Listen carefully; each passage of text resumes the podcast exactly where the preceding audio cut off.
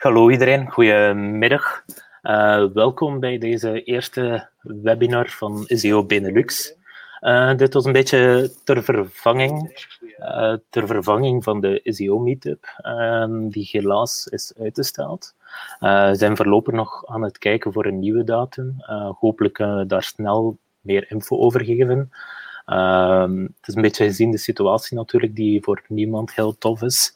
Uh, maar deze situatie biedt ook nieuwe kansen en we proberen ook wat te innoveren, laat maar zeggen, uh, door nu uh, webinars te organiseren. Door een soort van nu die periode toch hopelijk te, over, te kunnen overbruggen. ik zie dat er mensen zijn dat ik boos kijk, maar dat was helaas omdat de stream vast zat. Dus hopelijk is dat nu beter en kan iedereen mij heel goed horen. Uh, voor deze eerste webinar uh, heb ik contact opgenomen met Karen. En gelukkig zag ze dat zitten om als uh, eerste de spits af te bijten. en ik zal daar van de eerste keer er eens bij halen zelf. Hallo Karen. hoi, hallo. Hoi. Goedemiddag, alles goed? Jazeker. Hopelijk ja. niet te veel stress voor deze, voor deze eerste keer. gezonde zenuwen, zullen we maar zeggen. Ja, ja super, eh, super dat je de spits wil afbijten en dat je dit wil doen voor ons. Uh, ik denk dat het ook wel tof is voor, voor jullie en voor iedereen dat we tijdens deze periode nog wat kunnen uh, bijleren. Ja, lijkt me ook. Ja, misschien kort. je hebt een presentatie voorbereid. waarover zal die gaan? Ik zie hier SEO en CRO staan. Ja, ja, CRO, dat is uh, de Engelse term eigenlijk Conversion Rate Optimization. Dus uh, in het Nederlands conversieoptimalisatie. En ik ga het hebben over uh, de vele overeenkomsten die er zijn tussen de twee. En hoe je dus eigenlijk vaak twee vliegen in één klap kunt slaan. Um, maar ook wat conflicten behandelen en wat algemene tips geven. Oké, super. Klinkt enorm interessant. Uh, ik zie heel wat comments uh, binnenkomen. Uh, sowieso, als jullie vragen hebben, stel die als een comment op YouTube of Facebook. wij kunnen die hier monitoren en dan pikken we achteraf enkele vragen uit die we dan gaan stellen aan Karen. En dan laat ik nu volledig de webinar over aan, aan Karen en haar presentatie. En waarschijnlijk een korte introductie om te beginnen. Bye.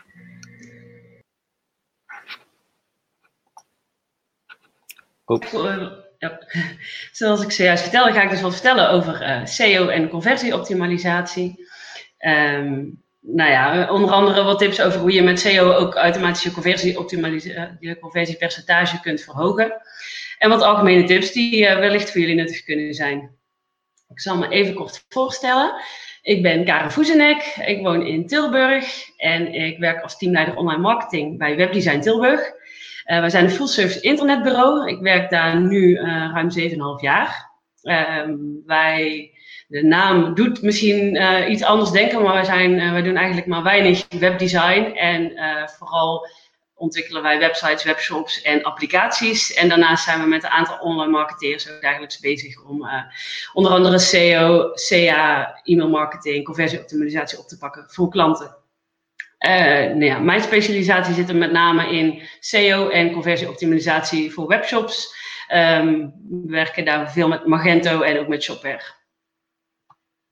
Nou, waar ga ik het in deze presentatie over hebben? Uh, allereerst, uh, voor degenen die er misschien nog niet zo in thuis zijn, wat is conversieoptimalisatie? Wat zijn de overeenkomsten tussen SEO en conversieoptimalisatie? En welke SEO-factoren kun je dus gebruiken om je conversiepercentage te verbeteren? Uh, daarnaast ga ik ook even kort in op een aantal conflicten die je soms tegen kunt komen en uh, met wat mogelijke uh, oplossingen daarvoor.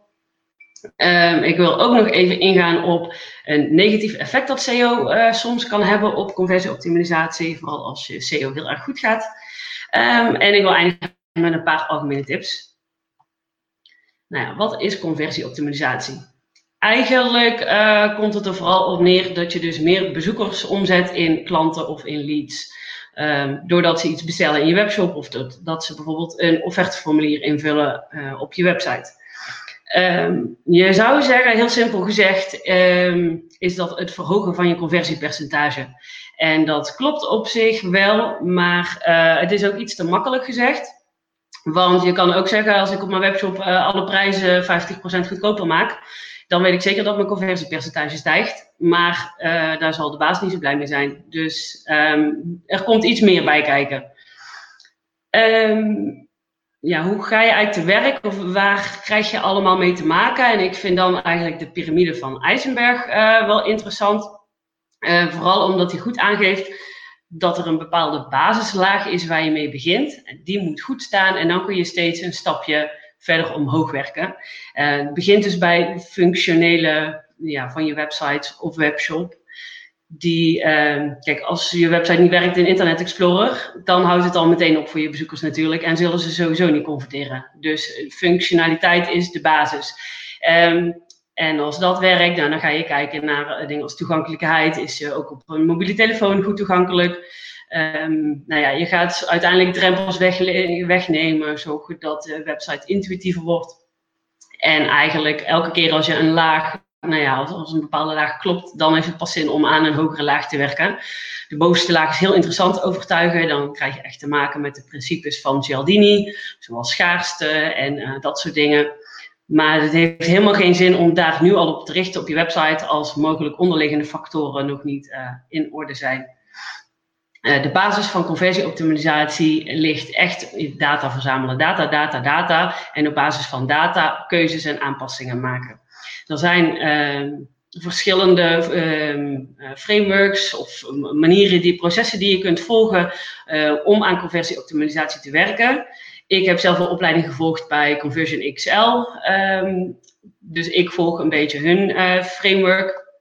Maar er zijn natuurlijk heel veel manieren. Maar uh, ja, het komt er dus op neer dat je data verzamelt um, in je analytics. Zorg dat je alles meetbaar maakt en dat je die data gaat analyseren.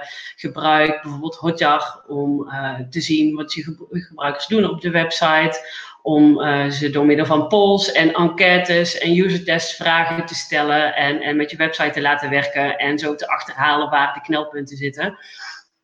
Um, en uiteindelijk ga je die data omzetten in hypotheses. Je gaat dus kijken waar uh, lijken mensen vast te lopen, waar in de funnel haken ze af bijvoorbeeld. En ja, je gaat hypotheses opstellen, potentiële verbeteringen. Uh, indien mogelijk ga je die AB testen, maar daarvoor heb je echt heel veel data, veel gebruikers, veel conversies nodig op je website om überhaupt nuttige AB testen te kunnen doen. Maar uh, het uitgangspunt is in ieder geval, als je dan uh, optimalisatie door gaat voeren, dan doe je dat in ieder geval op basis van data en niet op basis van ik denk dat dit beter werkt omdat ik dit mooier vind. Uh, want in de praktijk kun je dan een jaar bezig zijn en geen stap verder komen eigenlijk. Um, nou ja, de relatie tussen SEO en conversieoptimalisatie, en daar sta je misschien niet altijd bij stil, maar je kan ze eigenlijk niet los van elkaar zien. Um, sowieso is, uh, is conversieoptimalisatie belangrijk voor SEO of voor CA. Je kan wel zoveel mogelijk bezoekers naar je website weten te trekken. Maar als die bezoekers vervolgens alleen maar afhaken of en geen contact opnemen, dan heb je dan natuurlijk heel weinig aan. Andersom heeft conversieoptimalisatie pas zin als je voldoende bezoekers op je site hebt. Um, nou, er zijn dus heel veel overeenkomsten waar ik zo dadelijk uitgebreider op inga. Um, wat heel leuk is, omdat je vaak twee vliegen in één klap kan slaan. En zo kan het zijn dat je um, bepaalde optimalisatie door wil voeren, omdat het belangrijk is voor SEO. Ehm, maar misschien lastig is om er budget voor vrij te maken. En als je kunt aantonen dat het ook belangrijk is voor conversieoptimalisatie, dan kan het makkelijker zijn misschien om uh, er budget voor vrij te krijgen. Um, Kijk, die, overeenkomst, waar zit hem dat in? Um, kijk, Google en andere zoekmachines, maar ik heb het voor het gemak maar even over Google, die willen de beste gebruikerservaring bieden. Als jij um, een zoekopdracht intypt in Google, dan wil jij dat de resultaten waar jij op klikt jou helpen, jou goed resultaat bieden. Uh, ja, als jij tevreden bent met de, met de resultaten die Google geeft, dan zal je de volgende keer weer gebruik maken van Google. En dat is het hele idee erachter. Um, Google wil dus niet dat jij op een website uitkomt waar bijvoorbeeld uh, links het niet doen, die heel traag is en niet prettig werkt, um, waar geen duidelijk antwoord op je vraag staat, uh, die niet veilig is. Al dat soort dingen die, die zorgen voor een slechte gebruikerservaring. En daarom uh, zijn ze voor Google belangrijk dat dat soort dingen in orde zijn. Um, ja, en dat is ook precies waar het natuurlijk om draait bij conversieoptimalisatie. Want alleen als die gebruikerservaring helemaal top is, dan zullen bezoekers ook echt uh, converteren en dus inderdaad bestellen of contact opnemen. Uh, dus ja, veel van wat je doet zal, uh, ja, omdat het zo met elkaar samenhangt, zal dat sowieso uh, een positief effect op elkaar hebben. En uh, ja, wat ik al zei, kan een extra reden zijn om dus ergens budget voor vrij te maken bijvoorbeeld. Uh, nou, ik ga een aantal punten doornemen um, die jullie als het goed is allemaal kennen, omdat je weet dat ze voor SEO heel belangrijk zijn, maar waarvan je misschien nooit echt erbij stil hebt gestaan, dat ze ook kunnen helpen om je conversiepercentage te verbeteren. Uh, een daarvan is het SSL-certificaat. Um, dat geeft natuurlijk gewoon heel veel vertrouwen aan je bezoekers. En uh, um, ja, tegenwoordig zullen heel veel mensen niet eens bestellen op een website die niet beveiligd is met een SSL-certificaat. En dat is ook meteen een van de redenen waarom Google het zo belangrijk vindt. PageSpeed um, ja, komt op hetzelfde neer, heeft natuurlijk alles met gebruikerservaring te maken. Um, kijk, hoe sneller een website is, hoe gebruiksvriendelijker die is, hoe sneller iemand kan vinden wat hij zoekt, um, hoe kleiner de kans dat een gebruiker afhaakt en hoe groter de kans dat een gebruiker converteert. Um, je ziet het hier in het plaatje ook al een beetje. Um, voor webshops geldt dit nog wel sterker dan voor uh, gewoon andere websites. Um, maar hoe sneller een website, hoe groter de kans dat iemand converteert. Er zijn op internet heel veel onderzoeken over te vinden. Um, ze hebben allemaal net wat andere cijfertjes. Maar ik, ik, heb er een paar uitgepikt, ze komen allemaal op hetzelfde neer. Bijvoorbeeld 37% van de bezoekers verlaat de pagina als de site meer dan 5 seconden nodig heeft om te laden. Of een vertraging van 100 milliseconden zorgt voor een daling van het conversiepercentage met 7%. Of een vertraging van 2 seconden in laadtijd zorgt ervoor dat het bounce-percentage met 100% stijgt. Dit zijn gewoon cijfertjes die echt uit onderzoeken komen en die keer op keer aangeven dat er gewoon zo'n duidelijke link is tussen conversie en snelheid. Um, de structuur van een website. Dit is in mijn ogen vaak het ondergeschoven kindje, zowel op het gebied van SEO als op het gebied van conversieoptimalisatie. Uh, maar het is de basis van elke website. Het zorgt ervoor dat, dat de website goed in elkaar zit, dat een gebruiker snel kan vinden wat hij zoekt. Um, en ja, dat Google ook een website snel kan crawlen. en dat voor Google ook de relatie tussen pagina's belangrijk is. Dus eh, vragen uh, waar je over na kunt denken en die van toepassing zijn, is bijvoorbeeld welke pagina's zet ik in mijn hoofdmenu en welke pagina's zet ik misschien in een topmenu of een footer of een ander ondergeschikt menu. Uh, of wat is een hoofdcategorie en wat is een subcategorie en die relatie tussen de verschillende pagina's. Het zoekwoordenonderzoek slash zoekintentie. Um, zoals jullie allemaal weten is zoekwoordenonderzoek de basis van SEO. En um, ja, dat is ook hele nuttige informatie om te gebruiken als je bezig bent met conversieoptimalisatie. Want door in te spelen op wat gebruikers, um, ja, waar ze naar op zoek zijn, kun je daar natuurlijk beter antwoord op geven en kun je de bezoeker beter van dienst zijn. En dat zal uh, per definitie een positieve invloed hebben op je conversiepercentage. Kwalitatieve content, dat is aan de ene kant, um, ja, dat is natuurlijk dat je teksten van hoge kwaliteit zijn en dat je uh, laat zien dat je weet waar je het over hebt en dat je teksten niet geschreven worden door een stagiair die zelfs informatie uh, op diverse andere blogs bij elkaar verzamelt, maar dat je echt gebruik maakt van de kennis die in een bedrijf aanwezig is. Um, Google waardeert dat. Google is natuurlijk steeds beter ook om um, erin om ja, goede teksten, goede kwaliteit teksten te onderscheiden. Um, maar ja, voor, voor een bezoeker is het natuurlijk logisch dat je beter, uh, ja, als je beter antwoord krijgt op je vraag, dan is de kans ook weer groter dat je converteert. Um, het gaat niet zozeer alleen om echt kwaliteit van de content, maar ook hoe, hoe kleed je het aan. Dus door video's te gebruiken, afbeeldingen, um, uh, bullet points, top 10 tips, weet ik veel. Uh, al dat soort dingen kunnen um, bijdragen aan dat een tekst kwalitatiever wordt, beter wordt, leuker om te lezen. Bezoekers langer op een site blijven. Dat ja, weten we uit allerlei onderzoeken ook, dat dat positieve correlatie heeft met rankings in Google. Over het algemeen wordt gezien, hè, hoe langer bezoekers op een site blijven, nou, dat zou een positieve invloed hebben op je uh, ranking.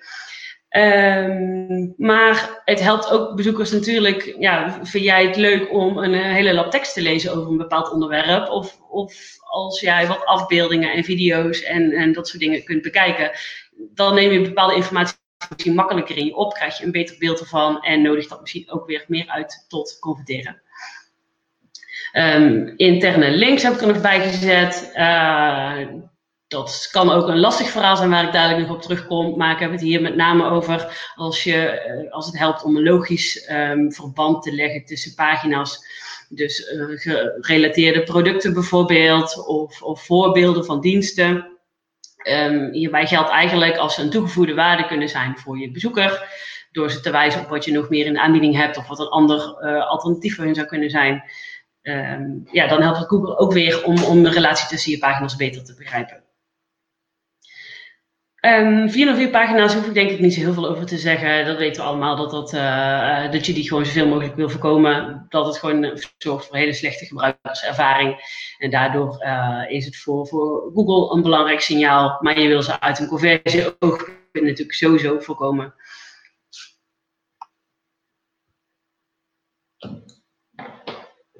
Um, we komen ook wel eens conflicten tegen. Waarbij je eigenlijk vanuit een SEO-oogpunt misschien het ene zou willen doen en vanuit een conversie-optimalisatie-oogpunt het andere. En dan kan het soms lastig zijn. Ik denk dat het bekendste voorbeeld daarvan is de SEO-teksten. En dan heb ik het eigenlijk vooral over het feit dat we allemaal weten dat pagina's met veel content over het algemeen beter scoren in Google. Dus dat je zoveel mogelijk tekst op een pagina wil zetten. Um, en als je het bijvoorbeeld hebt over uh, categoriepagina's op een webshop, dan kan dat ook een probleem zijn. Zeker als je besluit eerst uh, eh, 300 woorden tekst neer te zetten en daaronder nog een keer jouw uh, producten. Dan, dan is de vraag of mensen helemaal naar beneden gaan scrollen en die producten nog gaan zien. Dus dat is sowieso een slecht idee. Um, het gaat erover dat je de juiste balans vindt. En dat betekent dat je zorgt dat je bovenin de belangrijkste content hebt staan, die zowel vanuit een gebruikersoogpunt, dus eventuele belangrijke vragen van de gebruiker goed beantwoord, als vanuit een SEO-oogpunt, waar je misschien belangrijke zoekwoorden in hebt staan. Uh, dat hoeft soms maar een paar zinnen te zijn bovenin. Uh, dan heb ik het met name over een categoriepagina op een webshop bijvoorbeeld. Als het gaat om een informatieve of een dienstenpagina op een website kan dat natuurlijk wat meer uh, tekst bovenin zijn. Maar dan nog wil je snel to the point komen en, en de belangrijkste samenvatting, de belangrijkste USP's bijvoorbeeld bovenaan zetten. En zorgen dat de call to action, dus de belangrijkste knop van uh, bestel nu of vraag een offerte aan, dat die zo hoog mogelijk staat en het liefst boven de vouw dus meteen zichtbaar is. En wil jij die pagina uitbreiden met nog meer tekst, dan plaats je dat verder naar onderen en zoals ik al zei, kleed je dat eventueel aan met afbeeldingen, video's of noem maar op, om het wat interessanter te maken. Um, megamenu's. Uh, dat zie je met name bij webshops en vooral webshops met heel veel categorieën. Zie je vaak een heel uitgebreid menu uh, dat je uit kunt klappen en dat je heel veel categorieën en subcategorieën ziet. Soms staan er tientallen of zelfs bijna honderden linkjes in. Um, het voordeel daarvan vanuit een gebruikersoogpunt kan zijn dat je met heel weinig kliks snel op de pagina bent waar je naar op zoek bent. Uh, dus dat kan heel nuttig zijn uh, als het gaat om conversieoptimalisatie. Maar voor SEO kan het weer een probleem geven, omdat je heel veel interne links hebt. En omdat je dus eigenlijk vanuit elke pagina naar elke andere pagina bijna binnen je website linkt. Um, en dat is voor je interne linkstructuur en linkwaarde niet zo handig. Hoe ga je daarmee om? Uh, ook hier geldt, probeer de balans te vinden. Uh, er zijn manieren waarbij je die linkwaarde kunt stoppen, bijvoorbeeld uh, op die interne links. Daar ben ik dan niet echt fan van. de, de beste suggesties zijn om met silo's te werken, wordt het wel genoemd. En dat betekent, ja, zit je in een bepaalde categorie, dan kun je eigenlijk alleen de sublinkjes, de subcategorieën binnen diezelfde categorie zien. Stel jij, uh, ik noem maar iets, een Coolblue webshop die allerlei categorieën heeft. Stel je zit binnen de wasmachines, wil je misschien wel linkjes zien naar andere wasmachines en gerelateerde producten en informatie daarover. Maar hoef jij niet alle subcategorieën te zien die onder de telefoons of onder de televisies vallen. Uh, uitgebreide footers en uh, interne links. Ehm, die zien we gelukkig niet meer zo vaak. Dat zag je een paar jaar geleden nog wel veel, dat bijna een volledig menu werd herhaald in de footer. Um, maar nog steeds zie je vaak hele uitgebreide footers met heel veel categorieën erin, heel veel subpagina's, heel veel klantenservicepagina's. Uh, ja, heel veel geld, het zijn heel veel interne linkjes. En vanuit een SEO-oogpunt wil je niet uh, op elke pagina naar heel veel dezelfde linkjes um, linken, want die links krijgen relatief heel veel waarde. Als er vanuit alle pagina's op jouw website wordt gelinkt naar de pagina over retourneren, krijgt die pagina relatief veel waarde en veel aandacht en meer dan die verdient eigenlijk. Um, een mogelijke oplossing daarvan zou kunnen zijn dat in plaats van dat je zowel naar je retourenpagina als je betaalde pagina als je verzende pagina een keer naar een klantenservicepagina linkt bijvoorbeeld. Um, en van daaruit weer verder linkt naar, naar uh, de subpagina's. Kijk, vanuit SEO-oogpunt wil je gewoon voorkomen dat je op één um, uh, pagina meer dan één keer hetzelfde linkje hebt staan. Dus stel je bovenin ook al een klantenservice link hebt staan en je plaatst die ook nog een keer in de footer. Nou, dan is klantenservice misschien niet het beste voorbeeld, maar stel uh, naar een hoofdcategorie, een belangrijke categorie. Um, er wordt in ieder geval gezegd dat, uh, dat Google elke dubbele linkjes negeert. En dus um, één van die linkjes en alleen de waarde die bij dat linkje hoort, dus dat is maar de helft van de waarde als je twee linkjes hebt want dan wordt die waarde verspreid over twee linkjes. Dan uh, ja, verlies je dus in dat geval de helft van de waarde van een linkje, omdat die tweede link genegeerd wordt. Dus probeer zoveel mogelijk te voorkomen dat je naar in ieder geval je belangrijke pagina's die belangrijk zijn voor SEO, dat je daar meerdere keren naar linkt. En probeer überhaupt te voorkomen dat je um, ja, naar heel veel pagina's vanuit elke pagina linkt. Um, nog iets wat we regelmatig tegenkomen, wat het laatst bij een eigen klant bijvoorbeeld weer, dat, um, dat er meerdere zoekwoorden zijn die heel erg op elkaar lijken, waar je ideaal gezien vanuit de SEO-oogpunt uh, twee pagina's voor aan zou willen maken. In ons geval ging het om een courier. Um, die wil gevonden worden onder andere op het woordje spoedcourier en ook op expresscourier, blijkt ook een interessant zoekwoord ja, ideaal gezien wil jij gewoon een pagina over spoedcourier en daar helemaal op optimaliseren. En een pagina over expresscourier bijvoorbeeld. Maar uh, dat is vanuit een conversie-oogpunt natuurlijk weer een beetje gek. Zeker als je die allebei in je menu zou zetten. Um, en ja, dan, dan wordt het natuurlijk dubbel op. Vanuit SEO-oogpunt zou je ze natuurlijk wel alsnog uniek kunnen maken. Maar dan kan het ook alweer juist heel veel vragen oproepen bij gebruikers. Dus uh, nou gelukkig is Google natuurlijk ook slim genoeg om synoniemen tegenwoordig te herkennen. Uh, en zou het mogelijk moeten zijn om één pagina te optimaliseren voor beide zoekwoorden? Mocht dat toch lastig zijn, uh, overweeg dan bijvoorbeeld om maar één van, de, ja, één van de twee te kiezen en die in je hoofdmenu te zetten. En um, ja, de andere pagina daar naartoe te linken vanuit de footer of een andere pagina. Um, ja, voor al deze tips en suggesties geldt sowieso. Dit is zo afhankelijk per site, per project, per uh, uh, branche. Daar moet je altijd goed over nadenken. En er zijn helaas geen eenduidige oplossingen voor. Um, wat ik nog wel interessant vind om het ook over te hebben, is een negatief effect dat ik soms wel zie van SEO op je conversiepercentage. En dan heeft het er met name te maken als het je dus lukt om een hele hoge uh, positie te krijgen voor een heel belangrijk ja, zoekwoord met heel veel zoekvolume. Dat zijn vaak brede zoekwoorden. Of Hetzelfde geldt als je daar heel veel op zou adverteren, in AdWords bijvoorbeeld. Uh, dat je dan ineens ziet dat je heel veel meer verkeer hebt, maar dat je conversiepercentage flink in elkaar zakt.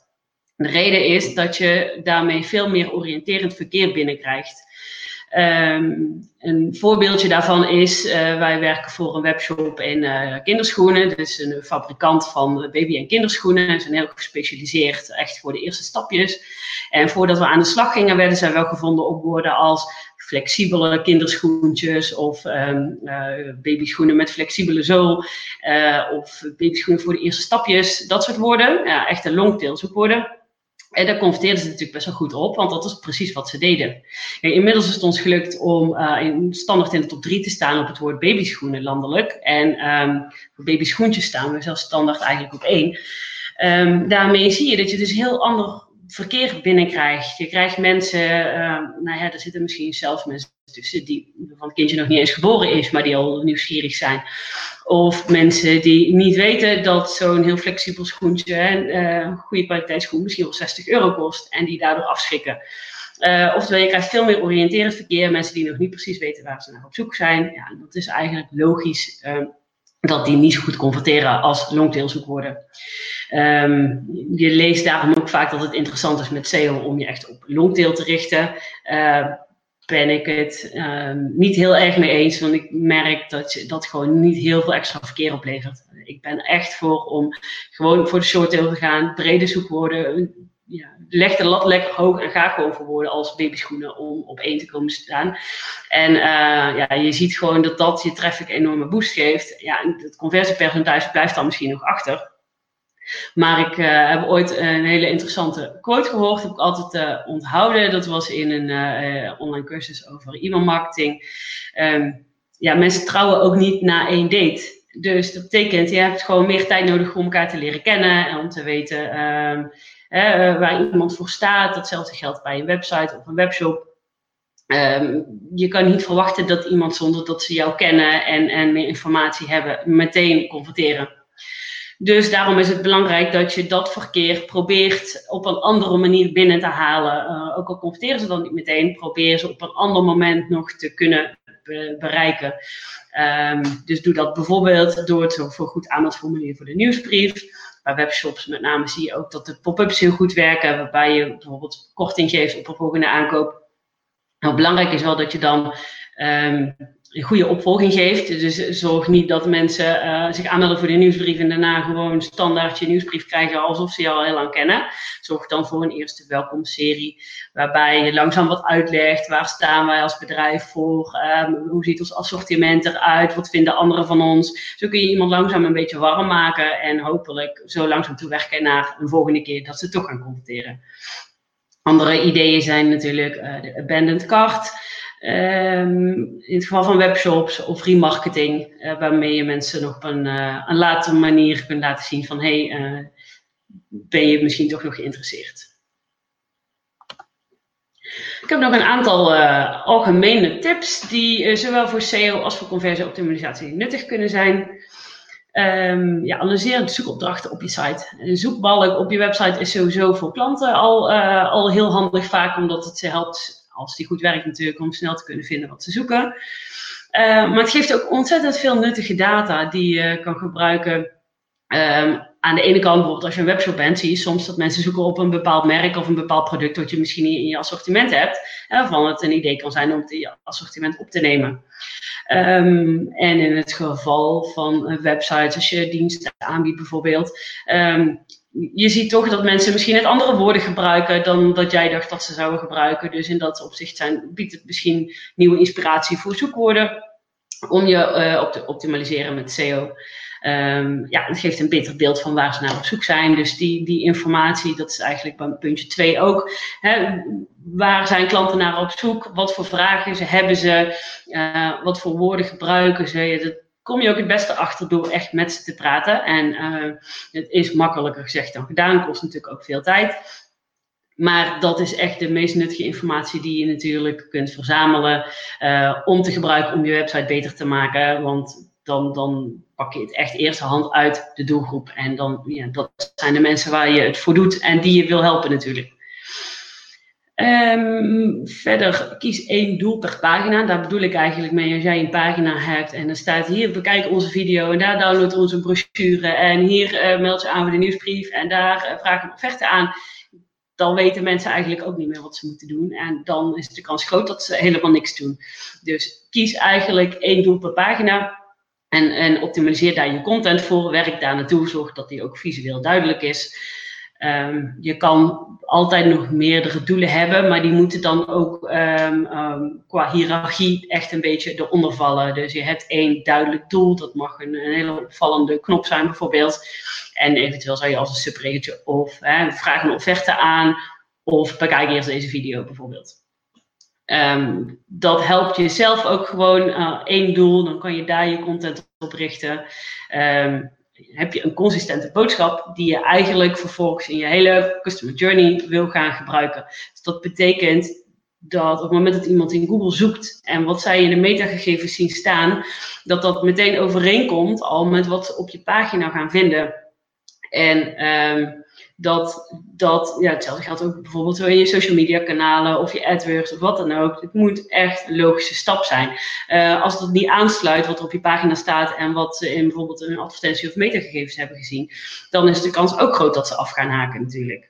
Dus denk er goed over na wat die boodschap is. Um, ja, lead generatie die had ik natuurlijk eigenlijk uh, al genoemd. Um, de conclusie, ja, houd eigenlijk altijd de gebruiker in je achterhoofd. Uh, zorg voor de beste ervaring voor je gebruiker. Dan doe je het voor Google eigenlijk altijd goed en zou je conversiepercentage automatisch mee profiteren. Ja, dat uh, was mijn presentatie. Ik hoop dat het uh, nuttig was voor jullie. Ik ben heel benieuwd of er nog vragen zijn die ik misschien kan beantwoorden. Dankjewel, Karen. heel interessante presentatie. Uh, er zijn inderdaad wel wat, uh, wat vragen binnengekomen. Ik zal misschien de presentatie laten openstaan. Stel dat er misschien bepaalde slides zijn die, die antwoord kunnen bieden. Dan kunnen we misschien uh, snel terugkeren naar. de eerste vraag is van Jan Willem. qua structuur, hoeveel impact heeft het op Google's waardering als je meerdere folders in die URL-structuur stopt? Zie je dat folders met zoekwoorden erin beter presteren? Ook naarmate misschien dat mensen sneller doorklikken als ze een zoekwoord herkennen? Uh, ja, viel gedeeltelijk vraag. Even kijken of dat ik hem ook nog.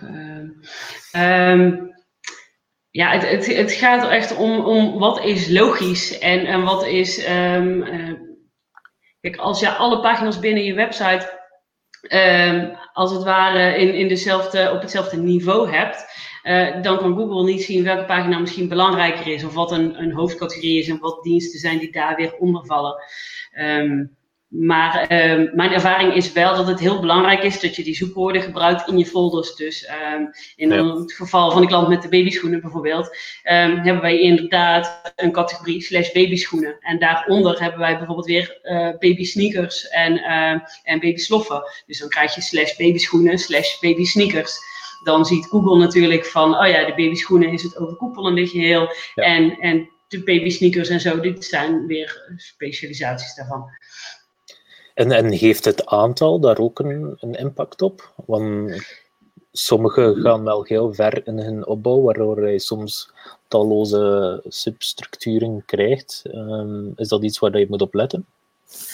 Uh, ja, het is heel lastig om dat in zijn algemeenheid te zeggen, denk ik. Ik denk dat, um, uh, ja, kijk, het moet op een gegeven moment ook nuttig blijven. Dus als je een subcategorie overhoudt waar volgens mij maar één of twee producten invallen, bijvoorbeeld, dan heeft het natuurlijk niet zo heel veel zin waarschijnlijk. Maar als er een hoog zoekvolume heeft, um, ja, dan zou ik dat zelf waarschijnlijk ook doen. Dan zou ik dat ook proberen. Dus ja, um, ja je, je, je, het geldt altijd weer uh, die balans zoeken. Um, we hebben toevallig ook bij een klant inderdaad uh, deze week nog dat we erachter kwamen van ja, we zijn maar subcategorieën en subcategorieën aan het aanmaken voor net afwijkende zoekwoorden.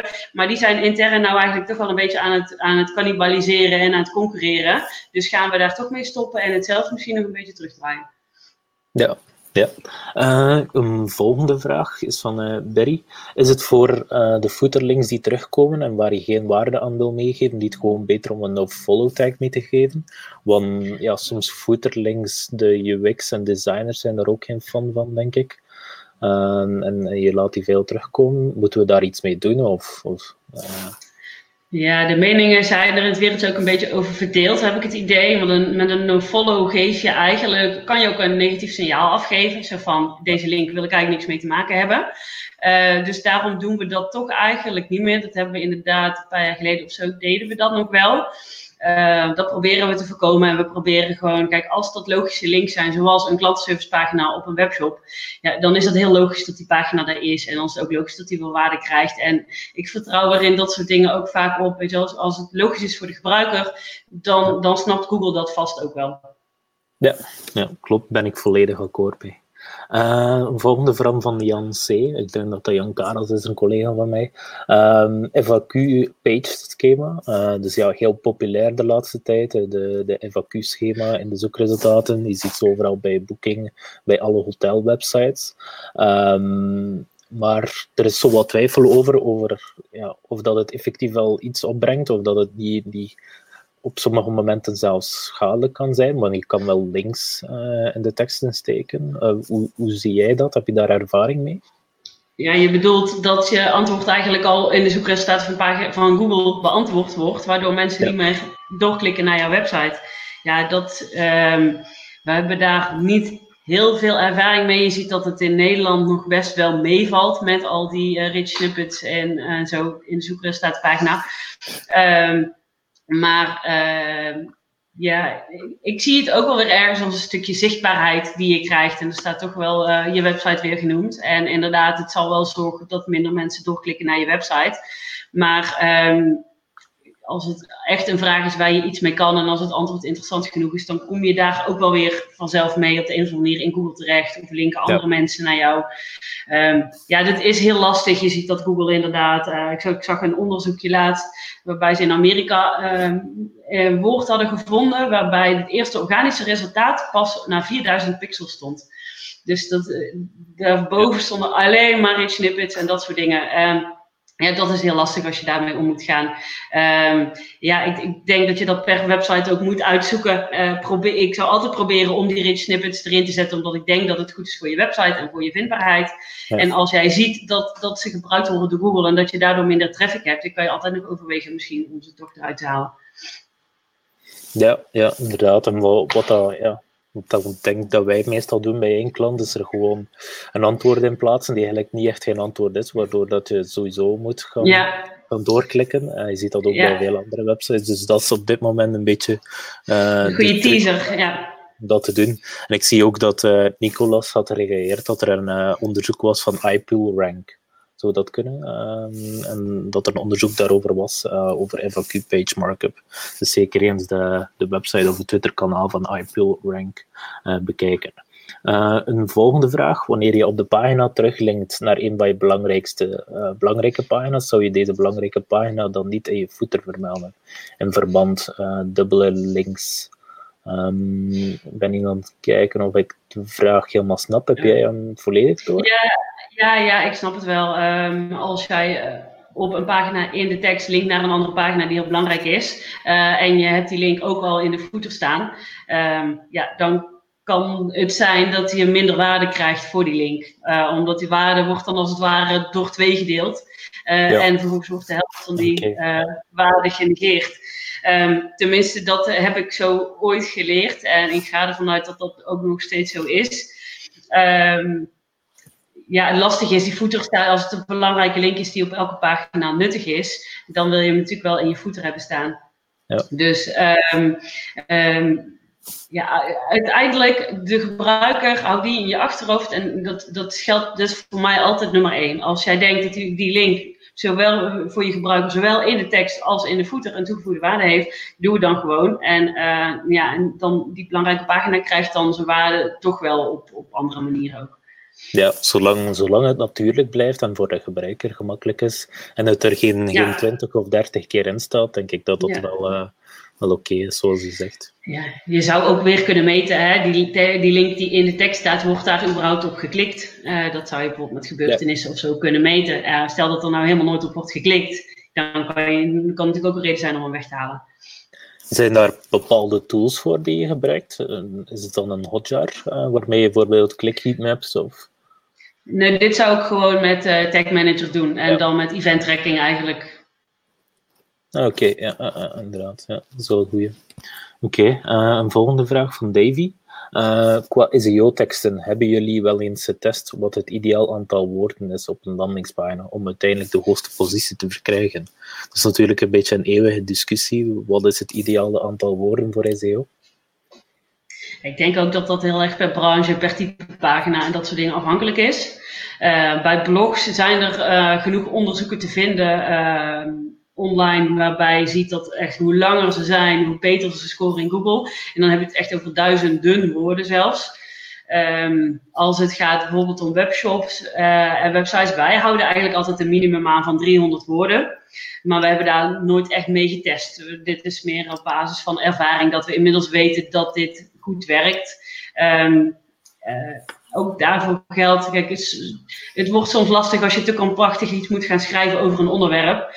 Uh, nou ja, ook wij maken ons daar wel schuldig aan dat er op een bepaalde sub subcategorie waar je gewoon niet meer zoveel over kunt vertellen, dat daar een tekstje staat en je denkt, ja, ik voeg dit nou echt iets toe. Maar goed, wij, geloven er wel echt in dat het bijdraagt aan vindbaarheid. Dus uh, ja, probeer het zo nuttig mogelijk te maken in ieder geval.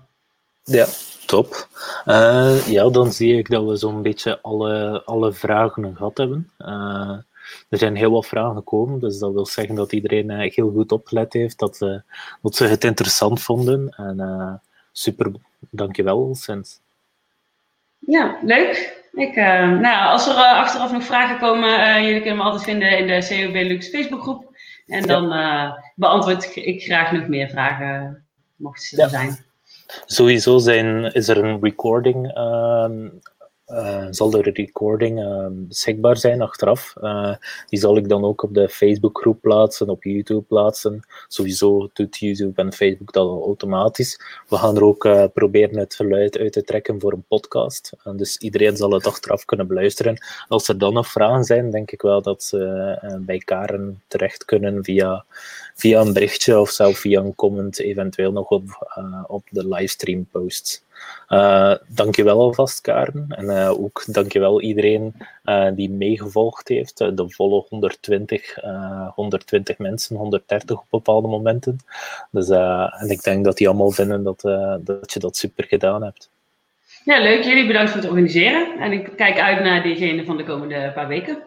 Ja, uh, ja, misschien kort. Uh, volgende week hebben we David Iwano, hopelijk uh, dat ik zijn naam juist uitspreek, te gast voor de webinar. En hij gaat het hebben over SEO reporting en convincing stakeholders.